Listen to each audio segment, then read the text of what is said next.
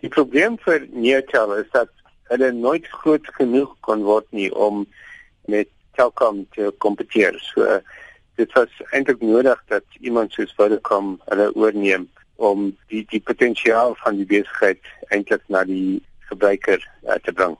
Wat gaan die implikasies vir Newtel wees wanneer hierdie samesmelting plaasvind?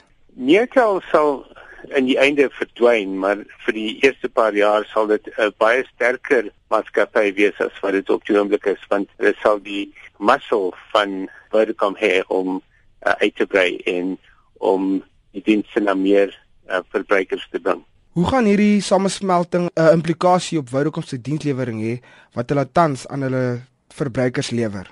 In die begin sal dit geen verskil maak nie um, met die huidige besigheid uh, van Vodacom, maar uh, in die langtermyn sal dit beteken dat uh, uh, Vodacom's uh, 4G diens sal sal baie uh, verbeter. Die die sein sal sterker wees en oor 'n breër deel van uh, die stede van Suid-Afrika waar Neotel 'n netwerk het.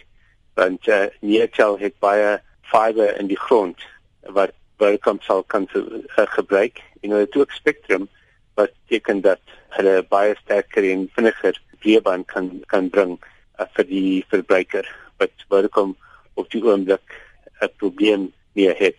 Wat beteken so 'n samesmelting natuurlik vir die ekonomie? Dit kan net goeie nuus vir ekonomie.